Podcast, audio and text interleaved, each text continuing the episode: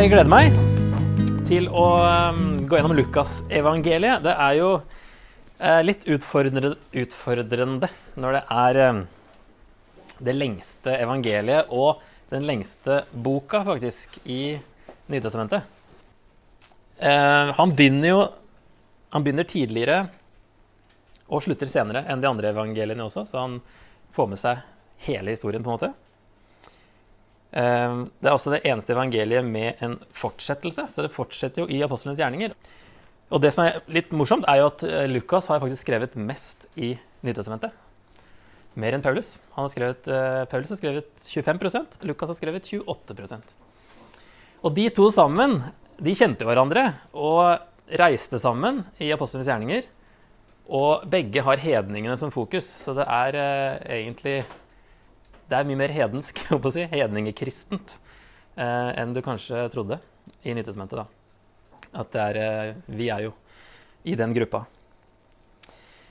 Så han er den eneste som har med Jesu himmelfart. Og han gjentar den i apostlenes gjerninger. Så han, han har den to ganger, men du finner ikke den i andre evangelier, faktisk. Og så er det skrevet til en som heter Theofilus. Altså litt interessant at det er skrevet til én bestemt person. Sånn først og fremst. Han har nok andre i tankene også. Men eh, det er altså litt unikt at han eh, nevner da, både i begynnelsen her og i apostlenes gjerninger, nevner han denne Theofilus. Som vi egentlig ikke vet så mye om, men vi kan se litt etterpå hva vi kan tenke oss. Og så utelater han typisk eh, jødisk stoff, og så har han bytta ut ordet rabbi med mester og ordet hedninger med syndere. Fordi når han skriver til hedninger, som eh, Det er jo kanskje det mest, det mest hedenske evangeliet, det mest hedningekristne. Eh, da han skriver til Theofilus og til andre grekere, da, så er det dumt å liksom fordi hedningene blir jo framstilt som veldig så negativt generelt fra jødisk eh, ståsted. Så er det dumt om det blir så mye negativt om hedninger hele veien. Så derfor har han bytta det ut med syndere. For det er jo egentlig det jødene mener når de sier hedninger. Veldig svart-hvitt tenkning. Alle andre er syndere. Vi er Guds folk. Så han har gjort noen sånne, vridd litt på det. Og rabbi er liksom ikke sånn man går og snakker om i Hellas, liksom, så da bytta man til mester. Så det er litt mer forståelig. Og så er det eh, et universelt fokus i Lukas. Jesus er for alle, og spesielt samfunnets utstøtte. De som taperne i samfunnet, da. Og det eh, inkluderer jo kvinner, faktisk. Så det er mye fokus på kvinner i Lukas. Eh, og de fattige da, og de sjuke og hedninger, som er liksom utafor, i hvert fall fra jødenes eh, ståsted. Så Lukas, han eh, lang tradisjon for at det er han som har skrevet uh, evangeliet, selv om han uh, sier jo ikke navnet sitt noe sted. Han sier jo navnet på Theofilus, men ikke sitt eget. Men i hvert fall til år 160 så er det liksom, kilder da, som uh, sier at Lukas skrev det her. Så det er nok, det er nok riktig. Og vi vet fra Kolosserne 4.14 at han var en av Paulus sine medarbeidere, og at han var lege, og at han var hedning. Fordi der nevner Paulus tre andre navn. Så han sier at dette er de eneste eh, av de omskårne, altså jødene, som, eh, som eh, arbeider sammen med meg. Og så nevner han Lukas etterpå. Det vil si, han er ikke en av de omskårne, han er en hedning. Mest sannsynlig. Eh, så han kjente Paulus godt, og han ja, kaller ham for eh, den kjære legen, eller noe sånt der. Så han, han var lege. Um, og da blir han faktisk den eneste ikke-jødiske forfatter av Nytestamentet. Som til gjengjeld har skrevet mest. Det er litt artig. Han var da godt utdanna, eh, ikke bare som lege, men også i språket. Han har veldig avansert språk. Sånn eh, ser ikke det så opp kanskje i Bibelen på norsk, men på gresk så er det mm, avansert. Og han kan bytte stil også eh, underveis, ettersom konteksten forandrer seg. Så han er veldig eh, flink til å skrive også. Og han kan Gammeltestamentet òg veldig godt. Eh, når er det skrevet? Det er litt vanskelig med å datere disse evangeliene, men eh, de fleste faller vel inn mellom 60 og 80 eh, etter Kristus. Det avhenger litt av Altså, år 70, det var da tempelet falt. Og Jesus har jo en, det så vi på med Markus, at Jesus har jo en forutsigelse av at tempelet kommer til å bli ødelagt romerne kom i år 70. Og så skriver Lukas om det her på en litt annen måte enn Markus og Matteus. Og så tenker noen at det er fordi det har skjedd, at han skriver det på en annen måte. At nå er det fortid. Eh, da vil man da datere det etter eh, år 70. Eh, eller så er det argumentet for før år 70 òg, at han ikke nevner Jakob, altså han halvbroren til Jesus, som ble leder for menigheten i Jerusalem, som har skrevet Jakobs brev. Han dør i år 62, og det er akkurat da apostlenes gjerninger slutter. Uh, I det året da Paulus blir satt fri fra fengsel. Det er de siste versene. Så han ikke nevner at han dør, tenker man da har ikke det skjedd ennå. Uh, det er liksom argument fra stillhet. Men uh, det er mulig. Ellers er det at denne hedningmisjonen ville ikke være like viktig å forsvare på en måte hvis det var skrevet langt ut på 80-tallet. Det er viktigere liksom, jo tidligere for det, det, tok en stund, stund, før de faktisk skjønte det helt, apostlene også. Det er ikke før i Apostelens gjerninger 15. Det er apostelmøte. Når de har en stor diskusjon hva skal vi gjøre med hedningene som kommer til tro. Skal de bli jøder, eller skal de ikke? Så finner de ut at nei, det skal de jo ikke. Og det er pga. Gammeltestamentet og Jesus og mye. Eh, så da eh, Jo nærmere det tidspunktet, da, det er i år 49, så er det litt mer naturlig å argumentere på en måte at hedningene hører med, da, som Lukas gjør. Og så er han veldig opphengt i oppfyllelser. Eh, så han ville kanskje ha nevnt det hvis tempelet ble eh, ødelagt, at det hadde blitt oppfylt. Det er også en argument fra Argument from Silence. Men så er det et interessant sitat også i 1. Timoteus. Jeg kan ta med det. Det er litt sånn uh, artig, fordi Paulus sier at han siterer Skriften Skriften sier du skal ikke sette mulebånd på en okse som tresker, og arbeideren er verd sin lønn. Og så ser du fotnotene, så står det, første sitatet fra 5. Mosebok. Andre sitatet er fra Lukas 10. Og det er det eneste stedet arbeideren er, sin, eh, er verd sin lønn. Eneste stedet det står, er i Lukas 10, 7. Og han sier Skriften. Så enten så har Lukas skrevet eh, sitt evangelium før Paulus skriver 1. Timoteus, som er ca. år 63. Det er argument for en tidlig dato. Eh, eller så er det et hva, hva, mente Paulus da med Skriften? Når det her, vi, vi har i hvert fall ikke det noe annet sted enn i Lukas. Så det er litt interessant. For de som syns sånn er interessant.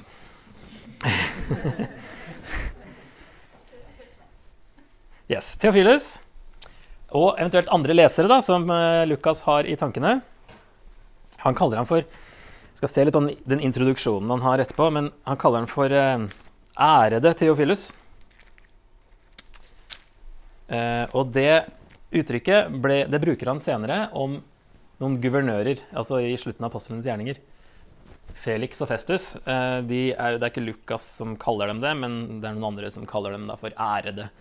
Uh, Felix osv. Så, videre. så det kan tyde på at han, Theophilus også var en romersk offiser, eller en som sto litt høyt. Eh, ellers så tenker man at han var en, eh, en sånn sponsor som da ville være ansvarlig for at Lukasevangeliet ble kopiert og distribuert. Og da var det vanlig med en sånn dedikasjon til den som liksom sponsa hele opplegget. For det var ganske dyrt å skrive ting den gangen. Og i hvert fall lage kopier, for det blekk og papyrus og sånn, det kosta mye. Så det var fint med en sånn sponsor som kanskje hadde midler til å støtte det, og så fikk han liksom dedikert det til seg. da. Men så er han nå mer enn en utgiver, fordi Lukas sier at han eh, skriver dette her sånn at Theophilus kan vite at det han har fått opplæring i, er pålitelig. Så han lurer jo på noen ting som Lukas har lyst til å svare på. Vi kan lese den introen nå. Vi skal uansett se på den litt etterpå første fire versene. Det er sånn forord, som det står. Mange har forsøkt å gi en fremstilling av det som er blitt oppfylt blant oss, slik vi har fått det overlevert av dem som helt fra først av var øyenvitner og tjenere for ordet. Nå har også jeg bestemt meg for å gå nøye gjennom alt fra begynnelsen av og skrive det ned for deg i sammenheng, ærede Theofilus, så du kan vite at det er pålitelig, det du har fått opplæring i. Så han er tydelig, eller ja, ganske tydelig en hedningekristen. Og så har Lukas da selvfølgelig tenkt at andre òg skal lese det her. Eh, som Theofilus òg sikkert tenkte at det her er nyttig for andre òg. Og mange andre har lest det. Det ble jo tatt vare på, godt vare på og kopiert osv. Så, videre, så derfor har vi det i dag. Så det er vel det vi kan liksom vite og kanskje resonnere oss fram til. Eh, så spørsmål som Theofilus og kanskje de andre greske leserne da, kan ha hatt, er um, kanskje noe sånt som det her. Da. Hvor, hvordan kan jeg vite at jeg som hedning er en del av Guds folk? Hører jeg virkelig til her? Hvordan henger troen på Jesus sammen med jødedommen? Uh, vi tar det jo for gitt at vi er Guds folk, for vi er ikke sånn, i et sånn veldig jødisk uh, uh, samfunn. Og vi har mindre fokus på GT òg enn det man hadde da, før man hadde noe Nytestamentet også. Eh, men om vi hadde vært i sånn jødisk, eh, et jødisk miljø i det første århundret, så hadde vi kanskje eh, spurt oss det samme. Hvordan henger det her sammen? Og hvorfor kan plutselig hedningene få, få være med? Hvordan kan jeg vite at, det er, at, dette er sannheten, når det finnes så mange andre religioner? Som er, han skulle vise at det er pålitelig. Og kanskje også hva vil det si å være en disippel av Jesus egentlig? Så jeg tenkte vi kunne snakke litt om de her. I sånn dere sitter, bare. To eller tre, eller Hvordan kan jeg vite at dette er sannheten? Hva slags beviser trenger jeg for å, å vite at evangeliet er pålitelig? Og hva er viktig å huske på når det gjelder å være en disippel? Hva bør vi være obs på? Ok, Så ta noen minutter på det, og bare en liten sånn Komme litt inn i tankegangen her.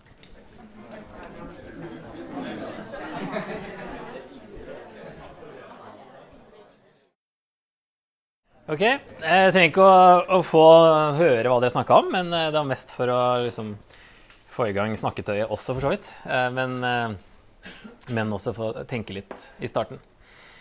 Sette, prøve å sette oss inn da, i lesernes uh, situasjon, sånn vi kan tenke oss at det var. Ok, Temaer og særtrekk for um, Lukas. Det er noen røde tråder som går gjennom. og det er jo det at Guds rike er for alle, spesielt da hedninger og de utstøtte, altså fattige og sjuke og hvem det nå er, og kvinner. Um, så det er mange kvinner som nevnes uh, bare i Lukas. Eller han snakker også mer om de som nevnes andre steder. Og uh, han nevner flere detaljer om sjukdommer. Han er jo lege, og han sier han har gått nøye gjennom ting fra starten. Så han har med interessante detaljer eh, som ikke de andre evangelistene har. Og det er flere lignelser som bare finnes i Lukas, som handler om de utstøtte. da. Så um, den barmhjertige samaritan og eh, alle de bortkomne. Si, den, ikke bare sønnen, men mynten og sauen og sånn også. Det er jo bortkomne sau i Matteus òg, men faktisk med en annen Eh, et annet poeng enn hos Lukas. Så eh, Jesus kan bruke samme lignelsen med to forskjellige poeng. Og så er det mer fokus på bønn hos eh, Lukas. Og at Jesus ber før viktige hendelser som ikke nevnes i de andre. Så det er jo noe av det som hører med i disippelskap. Kanskje er det han prøver å vise. Eh, ta etter Jesus i, i, det. Guds plan legger han også vekt på. Og da er det det her med oppfyllelse som nevnes. At det er mye som eh, han både begynner og slutter med å snakke om eh, ting som ble oppfylt. Og så bruker han uttrykket 'i dag' veldig ofte. Eller mye mer enn de andre. For eksempel, Det mest kjente er kanskje han eh, røveren på korset. 'I dag skal du være med til paradis'. Så, og til Sakkeus 'I dag må jeg gjeste ditt hus', ikke sant? på besøk. Og, så det understrekes mye, fordi det er liksom den oppfyllelsen som har skjedd. At nå i dag, nå er frelsens tid. Nå er Jesus kommet. I dag kan du bli frelst. Nå, liksom. Nå er, eh, nå er det i dag. Så det, det er nok det han eh, eh, tenker på da. Og så er det eh, faktisk hver gang ordet 'må', eller kanskje ikke hver gang, men ofte når ordet 'må' brukes Når ord, ordet 'må' brukes, så så ligger det et uh, uttrykk eh, bak på gresk som eh, betyr kanskje mer bokstavelig at det er nødvendig.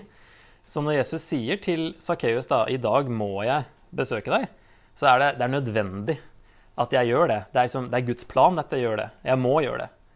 Og det også bruker han mange ganger. Skal se noen av de. Det brukes 100 ganger i Nyttestamentet, men Lukas har 40 av dem. Så det er ganske mye i akkurat her, da. Og videre i Apostlenes gjerninger. da. Og så er det mer fokus på Den hellige ånd. Han nevnes litt oftere enn eh, i de andre evangeliene. Og så er det rikdommens farer, som er også et tema. Og det henger jo sammen med de utstøtte og de fattige. ikke sant? Det er bedre å være fattig enn å være rik, egentlig. I, uh, i hvert fall i Lukas sitt evangelium. Fordi det er en trussel å være rik. Og det burde jo si oss noe da, som bor i rike Vesten. Og som kanskje er noe av grunnen til at folk ikke søker Gud så mye også. Fordi vi har det for godt. Vi skal følge noen av de her eh, litt mer enn andre. Jeg tror alle dukker opp. Jeg husker ikke om bønn, eh, om jeg har noe på den, men i hvert fall de andre eh, dukker opp. Og spesielt at Guds rike er for alle, og Guds plan blir kanskje de, de aller viktigste. Så en sånn eh, inndeling og oversikt da, av eh, Skal vi se, kom samme en til? Der, ja. Av boka. Litt sånn typisk eh, sånn et evangelium deles inn. da, At Jesus er først i Galilea, så er han på vei til Jerusalem, og så er han i Jerusalem. Men her er det veldig tydelig en reise. Og i verset her, i 951, så, så står det at uh, Jesus nå vendte blikket si, mot Jerusalem. Og så er det fra det verset til han kommer til Jerusalem, så er, det, er de på vei. Og det nevnes mange ganger at på veien så møtte de og de, og videre, og ja, så gikk de dit, og så gikk de videre. Og det er mest undervisning, mange lignelser. Der finner vi veldig mange av de mest kjente lignelsene. Få mirakler, så det er mest undervisning. Og så er det mye som da bare finnes i Lukas her. Uh, ja, tar litt sånn baklengs rekkefølge her, men uh, før det så er han jo i Galilea, oppe i nord. Og så er reisen sørover, så er Jerusalem i sør. Og i nord, der er det litt sånn uh, raskt eh, Det er en ganske lang intro først, da, som går egentlig inn i kapittel 3 og 4 her også. Eh, men etter det så begynner Jesus liksom å helbrede, kaller disipler, han tilgir synd, og vi har denne sletteprekenen, som er eh, mye av det samme som bergprekenen. Han er i fjellet her òg, men han går ned fra fjellet og kommer til en slette. Så da, kanskje er det samme talen som er på en slette i fjellet. Eller så er det at Jesus snakka om de samme tinga mange ganger. For det gjorde han tydeligvis i løpet av tre år. Og det er noen få lignelser der, da. Så her er det mest fokus på helbredelser og, og sånt. Litt lignelser, og så bytter det litt i den del to. Og så kommer jeg til Jerusalem, og det er det siste uka da, som får den siste delen. Og så er det en lang intro, kapittel 1 og 2, der han går helt tilbake til Johannes faktisk blir født. Døperen Johannes og Jesus. Veksler mellom de. Først får Elisabeth beskjed så får Maria beskjed, så blir Johannes født, så blir Jesus født. Og blir en sånn litt parallell mellom de. Og det er også for å lage en bro fra Gammeltestamentet og vise at det her er ikke noe nytt. Det her henger sammen med, med GT. Ok, Dette forordet Når han sier at um, mange har gitt en fremstilling Mange har forsøkt å gi en fremstilling av det som er blitt oppfylt blant oss. Eh, så er det jo flere enn Markus og Matteus. Det er vanlig å tenke at Markus er eldst, og at eh, Lukas har brukt Markus eh, og andre kilder. Men det er flere som har skrevet. Og så snakker de om at det, det de har skrevet om, er det som er blitt oppfylt. Sånn var det. Kan ikke det som har blitt oppfylt blant oss. Og det er Guds plan her. ikke sant? Nå har Jesus kommet, og han har oppfylt Gamletestamentet, og det er det evangeliet handler om. Eh, og her er i dag noen eh, sånne viktige vers der han bruker både 'i dag' for så vidt her, og 'oppfylt' da, i 421, når han er i synagogen. Så det leser fra Jesaja, sier han 'i dag er dette skriftordet blitt oppfylt mens dere hørte på'. I 931 når han står på fjellet, når Moses og Elia kommer, så står det at de talte om det han skulle fullføre, det er samme ordet som ligger bak, i Jerusalem. Og i 22.16, det er jo nattverden, så sier han aldri mer skal jeg spise påskemåltidet før det er blitt fullendt i Guds rike. Også samme ordet. Og helt til slutt, eh, når han eh, har stått opp igjen, så sier han at alt måtte oppfylles. Der har vi det ordet 'måtte' og 'oppfylles', som står skrevet om meg i Mosloven, hos profetene og i salmene. Så det begynner med det som er blitt oppfylt, og det dukker opp hele veien. Og så er det til slutt noe av det siste Jesus sier, er at det her måtte skje fordi det skulle oppfylles. Og så sier han at han har brukt øyenvitner og tjenere for ordet som kilder til det han skriver. Det er ganske sånn interessant, er en veldig sånn typisk måte å starte på da, når man skulle skrive sånn eh, historieverk på den tida så hadde man en sånn introduksjon liksom, sånn som vi har også når vi skriver oppgaver på skolen. En sånn avgrensning og kilder og bla, bla, ikke sant? Eh, tese eller problemstilling. Så her har han mye av det samme. Hvem har han snakka med? Hva, hvorfor skriver han til Theophilus? Um, så det er litt sånn unikt også for Lukas. Og så er det sånn glimrende språk. Rent sånn gresk. her er bare sånn helt sånn uh, Dette her er bra. Så det har han jobba med. Ikke at jeg ser det, jeg ser bare det er vanskelig. ikke sant? Men det betyr bra når det er eh, komplisert. Og så går, går nøye gjennom som sagt, mange detaljer. Eh, og det er mange detaljer som faktisk er helt irrelevante for evangeliet, som har blitt bekrefta av arkeologien, som Lukas har med. Og det er sånne ting som eh, hvilken vei vinden blåser når de er liksom på vei eh, i slutten av Postens gjerninger på båttur så stemmer det liksom hvor i forhold til Kreta og Kypros og sånne ting. Eh, hvor dypt vannet var så og så langt unna. De måler jo veldig der. Um, og hvilke sykdommer som fantes på forskjellige øyer, og eh, navn på lokale eh, ledere og sånt. Så det har vist seg å stemme. Da. Så har med masse detaljer som man egentlig ikke trenger, men som eh, han har fått virkelig anerkjennelse som en god historiker. Og en som heter sir William Ramsay, som faktisk Jeg tror han ble Fikk uh, sir-tittelen pga. Uh, uh, sitt arbeid i bibelsk arkeologi. Da, for han var første professor i klassisk arkeologi på Oxford. Som sa at Lucas er en førsteklasses historiker. Ikke bare er hans faktautsagn troverdige. Denne forfatteren burde bli plassert sammen med de aller største historikerne. Lukas' historie er i særklasse når det gjelder dens troverdighet. Og en annen, en annen historiker som het uh, Sherwin White, skriver også at uh, den historiske bekreftelsen av apostlenes gjerninger, som også er Lukas, er overveldende. Ethvert forsøk på å avvise den grunnleggende historisiteten av boka må nå virke absurd. Historikere med Romerriket som fagfelt har lenge tatt den for gitt. Så han har fått en del kred for det. At han er nøyaktig, og det har vist seg å faktisk stemme. Så når han vil skrive til Tefylis at fordi det er pålitelig, så, så, har han vist seg å være pålitelig som eh, forfatter, i hvert fall.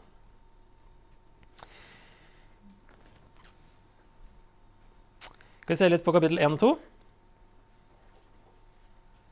Her, Det som er interessant, er at etter denne introduksjonen, da, der det er sånn der glimrende gresk, eh, sånn klassisk gresk, så bytter han til sånn jødegresk, for å kalle det, som man, som man hadde i oversettelsene av Gammeltestamentet, når man da leste de på gresk, eh, bøkene fra GT. For da begynner det sånn I de dager da Herodes var konge i Judea. ikke sant? Så Da høres det litt sånn eh, fortelling fra GT ut. Så her, da bytter han stil, faktisk.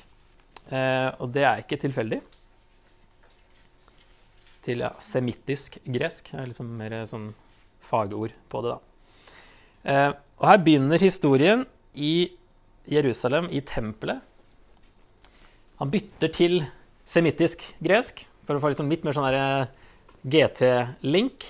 Og så er de midt i hjertet av jødedommen, tempelet i Jerusalem. Der Zakaria, da, faren til Johannes, døperen Johannes, og Elisabeth, eh, at de er gamle og barnløse.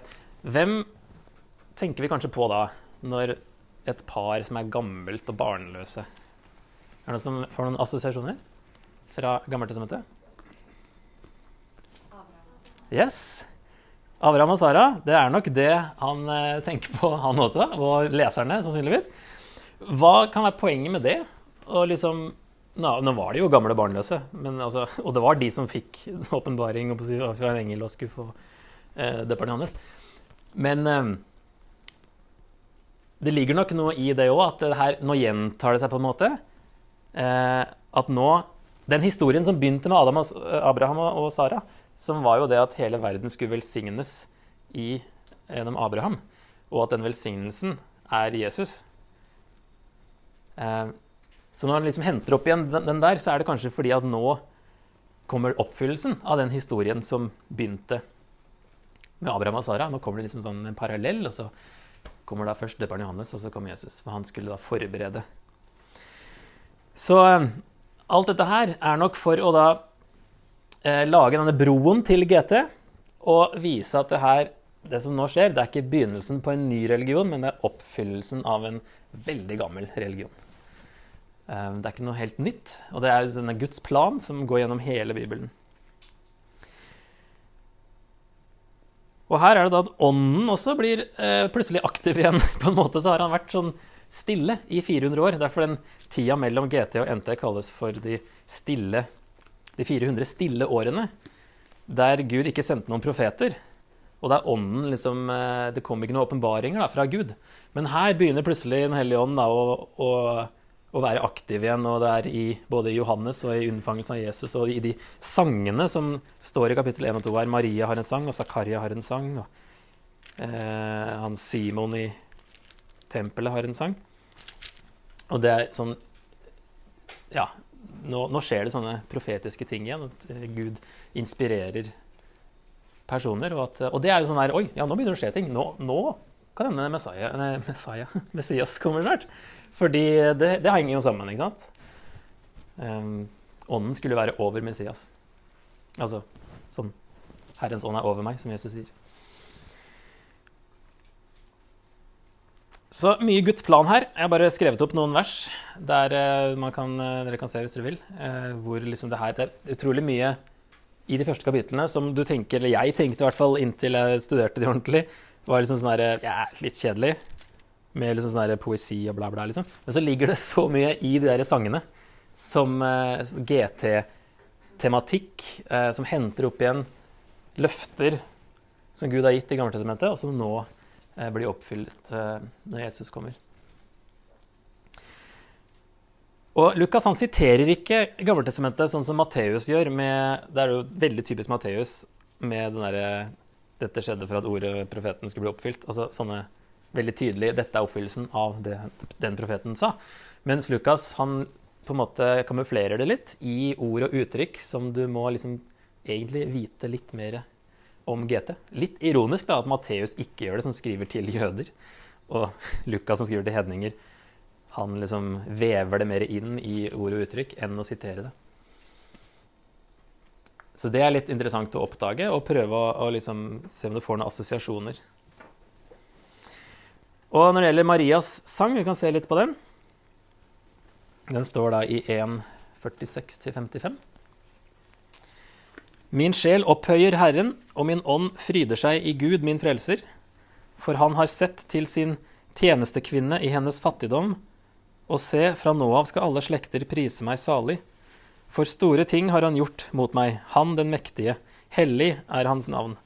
Fra slekt til slekt varer hans miskunn over dem som frykter ham. Han gjorde storverk med sin sterke arm, han spredte dem som bar hovmodstanker i hjertet. Han støtte herskere ned fra tronen og løftet opp de lave. Han mettet de sultne med gode gaver, men sendte de rike tomhendte fra seg. Han tok, på, han tok seg av Israel, sin tjener, og husket på sin miskunn, slik han lovet våre fedre, Abraham og hans ett, til evig tid. Så her er det, For det første så ligner det her på den Hanna sin sang i første Samuels bok. Eh, så det er allerede ting som liksom, eh, med en sånn sang som, eh, som ligner. Situasjonen ligner litt òg. Det handler om å få et barn og sånne ting. Um, og så er det temaer som nå, temaer som går gjennom hele Lukas, som nå forberedes på en måte i denne sangen til Maria. Spesielt dette at Guds rike er for de utstøtte og fattige. Når hun sier at Gud løfter opp de lave og støter ned de mektige, som også er ting man finner i Gammeltestamentet, ordspråkene og Jesaja f.eks. Han metter de sultne, men sendte de rike bort. Der kommer vi inn på dette med rikdommens farer også. Samtidig som at det er med at evangeliet er for de fattige og de lave. Og Guds plan, når han, hun nevner da oppfyllelsen av løftene til Israel og løftet til Abraham. Første Mosebok 12, 1-3. Fullstappa faktisk av GT-stoff. Dette er bare bitte litt. Men uh, hvis du ser i fotnotene, så er det masse henvisninger til ting som uh, Hvis man kjenner GT ekstremt godt, så ringer det flere bjeller, da. Men det er derfor man har fotnoter òg. At man ikke trenger å kunne alt det der. Zakaria har også en sang der han uh, fokuserer mest på Guds plan, kanskje. Da. Snakker om forløsning og frelse og Davids hus, altså Messias, skulle jo komme fra David, så det er jo en veldig tydelig Messias-link og løfter og pakt. Så mye, han har også skjønt dette her og blir jo inspirert av ånden til å legge fram denne sangen her. Da. Um, der han Ja, det er tydelig uh, Dette er Guds plan. Nå skjer det neste. Det neste store. Oppfyllelsen. Og i Jesu fødsel, som også vi kjenner veldig godt da, fra juleevangeliet. Litt for godt til at vi liksom legger merke til ting, kanskje. Eh, der sies det annet at eh, Englene sier eh, For det første sier de eh, eh Skal vi se En glede for hele folket, står det her, da. Det er i hvert fall dette temaet at det er for alle. Her er det ikke for alle hedningene, men i hvert fall for hele folket. Eh, at det temaet kommer her. Og de fattige. altså Det er jo det at bare at Jesus ble født i fattigdom blant fattige og lavtstående gjetere. De var ikke noe sånn veldig eh, høy status på å være gjeter den gangen. Og et stakkarslig tegn også, når englene sier at dette skal dere ha til tegn. Skal finne barn som ligger i en krybbe. Det er bare sånn, ja, litt av et tegn på en konge og en frelser, liksom. Så eh, her går virkelig Gud inn i blant de fattige ved at Jesus blir født på så lavt så lav status. Født utenfor ekteskap, til og med. ikke sant? Um, så Jesus identifiserer seg allerede fra starten med de som sto lavt, og evangeliet ble først forkynt for gjeterne, egentlig. Så det, det er viktig jo når vi sitter i kirka og tenker på. Um, Simons sang, som da kommer i kapittel to. Det er han gamle mannen som vet at han ikke skal se døden, står det i vers 26, før han hadde sett Herrens salvede, altså Messias. Og så får han se Jesus, da, og så um, tar han Jesusbarnet opp i armene sine, og så står det at han lovpriste Gud og sa Herre, nå lar du din tjener fare herfra i fred, slik som du har lovet, for mine øyne har sett din frelse, som du har gjort i stand like for ansiktet på alle folk. Et lys til åpenbaring for hedningene og ditt folk Israel til ære. Eh, masse Jesaja-vers som ligger bak her. Og spesielt Guds plan her igjen. Han sier at han har sett din frelse når han har sett Jesus, fordi Jesus betyr Javé er frelse. Det er jo litt morsomt ordspill, da. Han har sett Jesus, han har sett frelsen. Og det er for alle. Det skal et lys til åpenbaring for hedningene. Her er masse Jesaja.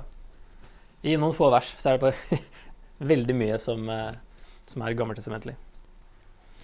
Og når Jesus er i tempelet som tolvåring, som er slutten av denne introduksjonen da, til Lukas, slutten av kapittel to, så sier han 'Jeg må være i min fars hus'. Det er det ordet Det er nødvendig. Det er Guds plan at uh, jeg er her.